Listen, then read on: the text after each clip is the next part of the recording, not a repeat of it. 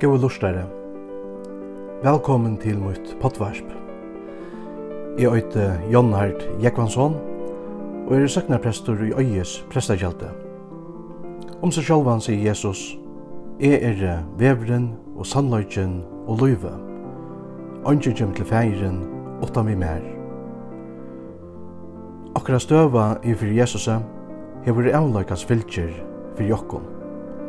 Vi mittel anna praktikon, bibliotøymon og fyrelestron, ikkje tøy vi hesson potvarspe, at varspa jaus og Jesus, og av glei på skapen om han. God sikning.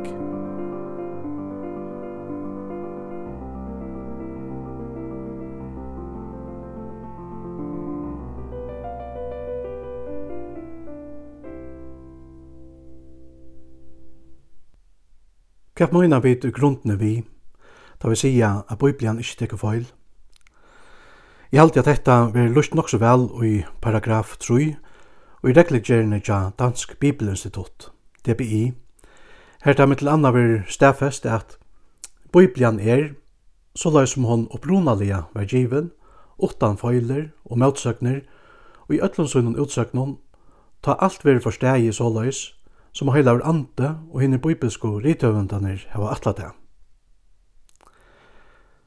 Men så kan vi spyrja, hvordan vi kunne finna fram til opprunalige møyningsna, da vi ikke hava opprunalige tekstene. Jo, god hever hava hekta, sist fire, at vi hava finnje fløyre avrit av opprunaskriften. Og det er ikke så løys at Guds år er harve vegna avritingsna. Avskrivingarloven tja tøymon skriftlært og jødnon, som tåkost vi hekta arbeidet, var òsne sera streng, Tar arbeidde fyrir at tryggja seg at der 23 bøkene i Gamla Testamentet var varvættar og i røynon lujtje. Her som vi vujtjandi er og maseretanir òsne áhugaverdir. Hetta var ein balkur av lærdon rabbinaron, som var og virkner fra omlai år 500 til år 1000 etter krist. Masoretanir er kjentur fyrir at hava varvætt ein hebraiskan tekst av Gamla Testamentet, som òsne vil røptur hin masoretiske teksteren. Masoretan er omringa og til dømes hebraiska teksten vi vimerskingen beie vi søgjene av og nianfyrre. Og henta hatt var skribenteren tritja vår vel og virja og imøte at gjerra avskrivinga feiler. Bia tritja seg i måte avskrivinga feilon, fekk hver bøk òsne i øyna kolofon, ta seg enda stikje, som innehelt samanlagda tali av tjajavon, og hver hinn mittaste bøkstavren i bautjene var stattur. Imisk onnur stett frøyli ambo var òsne brukt av skribentnån. Tå kan man ikkje nokta at avskringarføyler koma fire. Men hetta tekur korsen ikkje trovire fra gode og hansara åre. Bibelen er trovire er jo grunnt av Guds lytalesa år. Etter er det som bor under paragrafen som jeg nevnte på Janne. Her det stender i tria paragrafu tja reglegjerne tja Dansk Bibelinstitutt. Bibelen er såleis som hon opprunaliga var given, utan føyler og møtsøkner, og i ötlundsunnen utsøknon ta alt veri forstegi såleis som heilar ante og inn i bibelsko rithøvandinir hava atlata. Sjalt om okra omsetting skulle haft okran avskrivinga feil, så er hetta ikkje nekkar stórur trupleitje, to i flestu førrun er talan jo om tyntningarleisar avskrivingarfeiler, som ikkje brøyta båskapen og sjálfum teksten om nekka særliga. Og båskapen er jo ta som ta høyla velja snursi om. Etter lukka som a få eit brev fra en gauon vine, her nekkar stavavitler finnast, og ein avleslig plektur vegna vatta postkassan. Hva sletta, for han ikkje at rekka alt brevet. Han kjenner jo sin vin som ein avlytande person, og teker til som han hefur skriva for gaua vøru. Bibelen er eit saun av bjåkon og skrifton, som òsne vera kalla er kanon. Etter året hefur så en opprona i griskon og latuin, og sipar til ein matestokk. Lukka så vidt i det bruka ein tommastokk, da vi skulle matte okkurst. Og i frumkirkene var etter året kanon brukt til a poika av hver hin sanna kristna tryggvin vi er. Søytene var året i østene brukt om innhaldsivlite i bøkner som kom vi og i halgobøk. Vi tava unna kanon, til a god til å oppenbæra seg i jøgnon sommar skrifter, Men æra skrifter, som ikkje er vi i okra biblio, ikkje hans hansara oppenbering. Kanon er så statt eit saun av høylavn skrifton. Hesa skriftnar er og øynas vi i kanon, okra biblio, vekna tørra godomliga myndløyga. Biblian tjatt om fyrst og kristno, så ikkje ut som okra biblia, tog Nudja Testamenti enn ikkje var skriva. Tess vegna høttu teg øyna skamla testamenti, som òsne var hinn høylega skriften tja jötnån.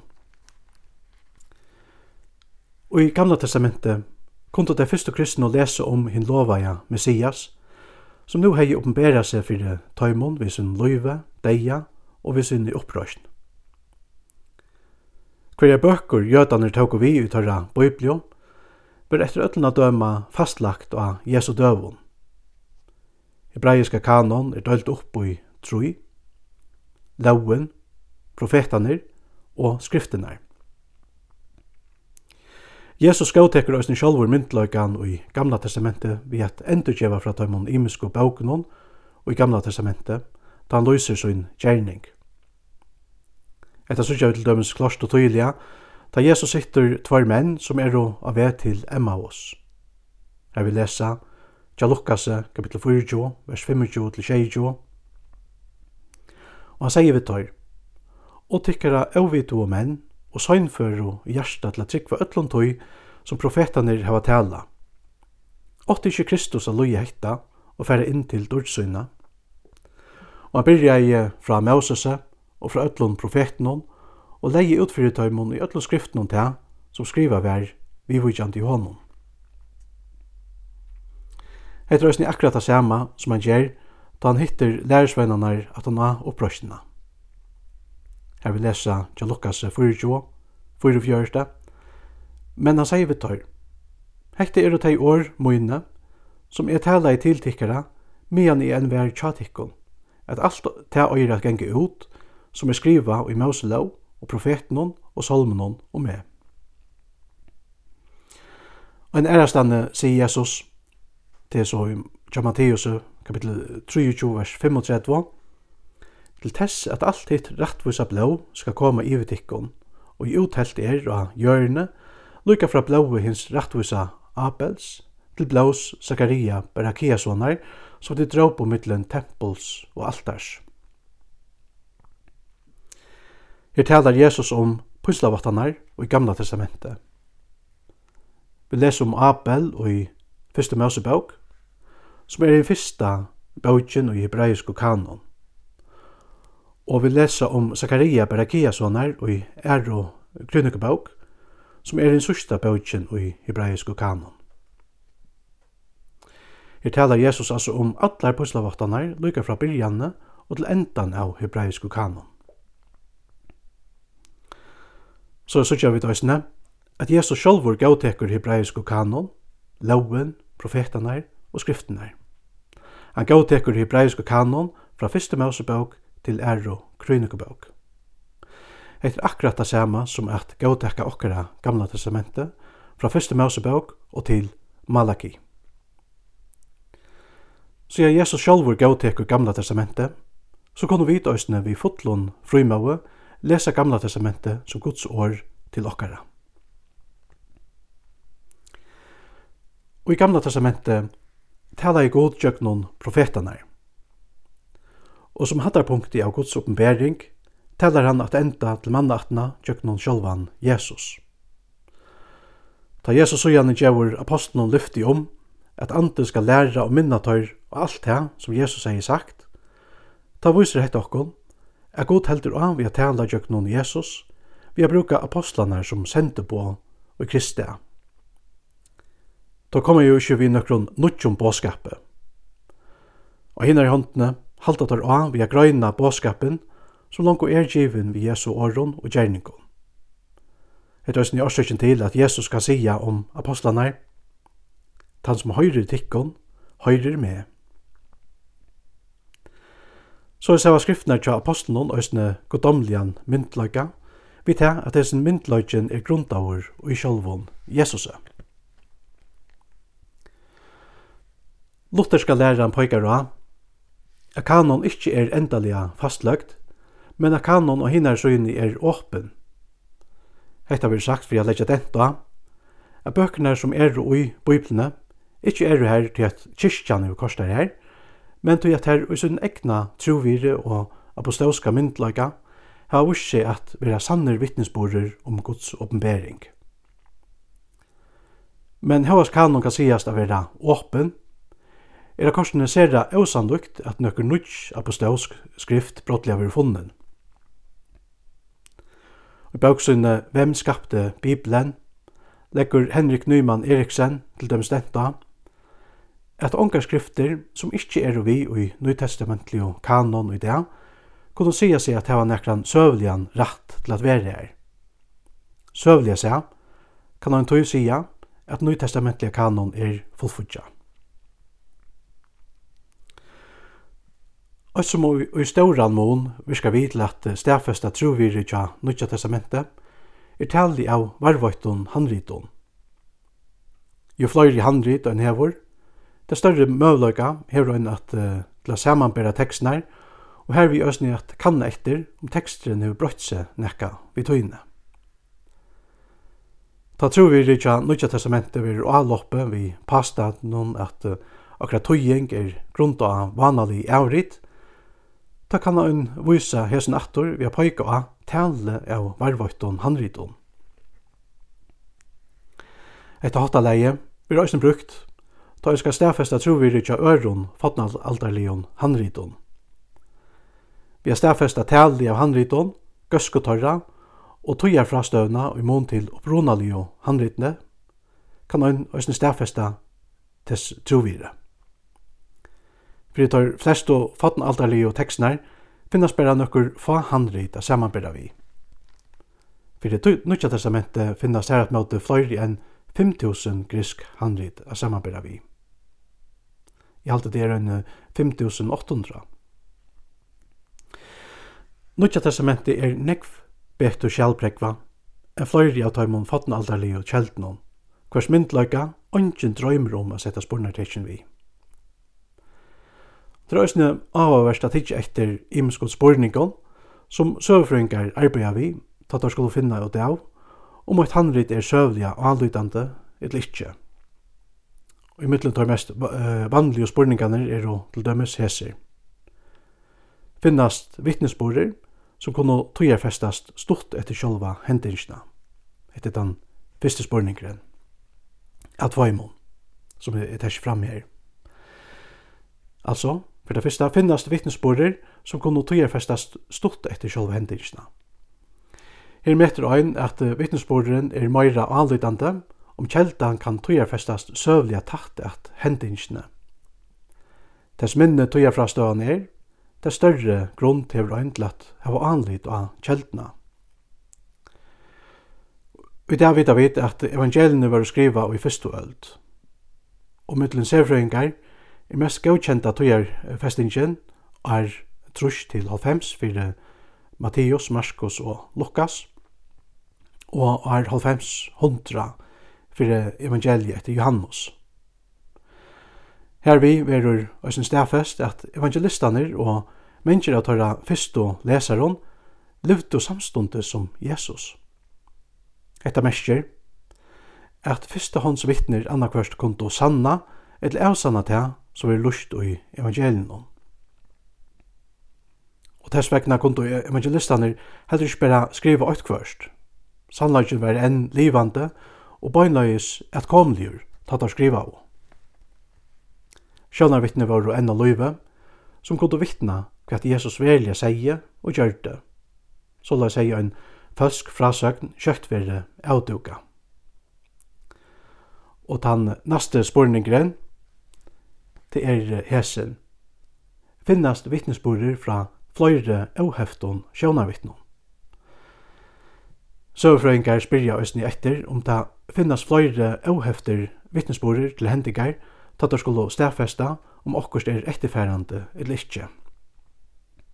Om ta finnast fløyre óheft sjónarvittner til eina hending, tar hetta òsni við til at talan er om eina søvliga hending. Hvordan kunne vi så vita at vi var óheftar vittnesborer fra sjónarvittnon og okkara nudja testamentet? Jo, for det første, til at rithøvendanir visa fram sérstak til, tilfær som einans sjónarvittnir høtt å vita. Og et dømi er, da Jesus sier vi døkter Jairus, er vi lesa til Marskos kapitel 5, vers 41, Talita komi, til tutt, luttla jenta, jeg sier til her, røysti opp. Her nøyder Marskos eina arameiska åring, som etter öllna døma stevar fra Petre, så var sjåna vittne til hendingsna, og som ångant og glemte i årene, så vakte gentene oppbatter til livs. Og tjøkken Petre var hendan åring så gjerne varvakt, da frasøkne var omsett til grikst og onormal. Etta særstaka tilfæri tja Marskose, er vidla stafesta evangeliet, så vittnesbord tja sjånavittnum. Fyrir det næsta vita vit at vit hava óheftar vittnesborger fra sjónarvittnum, tøtt að skriva om tær somu hendingarnar, hevast da òsne finnast imisk fravik tæra middelen. Fravik heva sera stauran tøytning hesson vivíkjandi. Om allar frasøknar stava fra øynar kjelto, så er talan jo veri om luikhøyter heldur enn fravik. Ta gamlar frasøkner sia som og grundleggjande søvo, men korsene innihalda imisk fravik hver sær. Ta for heita ofta søvfrøyngar til a stafesta, at tala ma vera om oheftar frasøkner, tja sjønavittnun, til som og hending. Alt bendur av at evangelini er frasøkner tja sjønavittnun til Jesus hendingsna. Og ta talan er om sjønavittner, kan han øysne vanta at en etterferrande uh, tradisjon, eller frasøgn, kjemst bort ur. Sjønnar vittne myntus jo til det som Jesus beie seie og gjør det. Om etta sier Torben Kjær, lektar jo i Nudja Testamentet av Dansk Bibelinstitutt. Vi tar se at apostlaner hver sær mynda av tradisjonene om Jesus. Da vi leser tradisjonene så løs og skilja, at hon er tradisjonen tja sjónarvittnum, at hon er anlutande og søvlig, og at hon finst i imenskund skape, så hava vi i tradisjonene hina naturlige fragrøyngsna til et fløtjasliga sambandet mellom lykøyter og avluikhøyter i evangelienum. Da større lykøyten og tilfærnum skiltast at hinn synoptiske evangeliene stava fra imenskund sjånavittnum, så var vittne til hina som og søvna sambart øyne gamlare fottenkyrkligare tradisjon, er høvendren til Matteus evangeliet, apostol og sjånavittne. Og sambart inn i eldstå fottenkyrklige tradisjonene endurgjøver Marskos tradisjonene som han hever finnje fra Petre apostle. Og i farmalen tja Lukas skriver Lukas at han grunnar sitt evangelium av felagsvittnesborren tja apostlen. Evangelien er så start vittnesborder tja sjånavittnum, slær Torben Kjær eh, fast. Og atla samsvær er òsne vidt at vise okkon at evangelien er og anlydande. Jo fløyre og atla samsvær og ennfær sauna saman, det sterskare verur progrunde fire at evangelien er og etterfærande. Talan er om og atla samsvær, da øynfrasøgn om eina hending ikkje tekur onkra avvisa opplysning vi, men som sujan ver nevnt i einare ærere frasøgn, og som såleis eisne vøyter hinn einon svære på torspurningar som ein heie til hinn fyrro frasøgna. Og her vil jeg nevna tvei døme. Fyrst eis som vi kunne kalla innanhuses samsvær. Og i Mattias evangelium 26 vers 6, uh, 6 til 8 trus, lesa vidt. Ta spukte tar han i anlite, og slå han vi knytton nevon. Og sommer slå han under venkan og søtto, profetera fyrir okkon Kristus. Hver varta som slå til? Her er det sjående nærliggjande a spyrja, om Jesus ikkje sa hver det var som slå han. Alt gjør bedre mening da vi leser om hina som og hendingsna, tja Lukkase, kapittel 22, vers 4, er det sentor, og tar bonto fyrir eio eione av honom og spurte han og setto, profetera, hver verta som slau det. Jesus vær så statt bonto fyrir eiene, men etta vil bare ikkje nevnt ut i fyrro fra segtene. Og så kom vi til Øysten takka Øysten vi kunne kalla åttanhuses samsvær. Ja Matteus i kapitel 2, vers 22 lesa vid. Men ta han hørte at Askelaos var konkur i Judeo etter Herodes, fægersøyn, øktaist han fri affære hier. Og han fikk avværing fra gode i dreime og føra sted til Galileibygdene. Så kan vi spyrja, hvor Josef var bensje for Askelaos. Jødiske søvfrøyngren Josefus gjør okkur svære. Han skriver nemlig at Arskelaos hei dripe 3000 jødar under uh, påskatøyene. Etter grøy fra avværingene som Josef fikk. Og takk grøy røysene okkom fra hvor han var så bensjen for Arskelaos. Så her har vi øyne stikje tvei døme på uh, Øvatlan samsvær. Men hette er bare toppren av Ísfjallnum. Det er en rikve av øron dømon som han kunne tidsje fram. Og ta öll vera sauna saman, så er hekta òsne vidl at leggja detta bøyblina er truvire. Sambart bøyblina er det bara tvoir veier som mennesker kunne genga av. Glætnarvevren etter hinn evige vevren. Og bøyblia viser okkon av hinn evige veien – God er jo en frelsande god, så løye öll menneske heim til sin evige eh, bostad, sin evige nærvero. Tog hever han også givet okkon at jaus, så vi finna vegin heim. Han har givet okkon sutt år, han har givet okkon biblina. Samferdur kan vi sia vi god, Ditt år er likt fyrir fautemunnen, og et jaus av gøytemunnen. Så vi leser i Salme 119, vers 105. Jeg kan lyta av Bibelna og bruka henne som en løybøynere kjøkken hekta løyve og innu i et komande. Hon er et jaus, til hon stavar fra honom som sjolvor er jaus.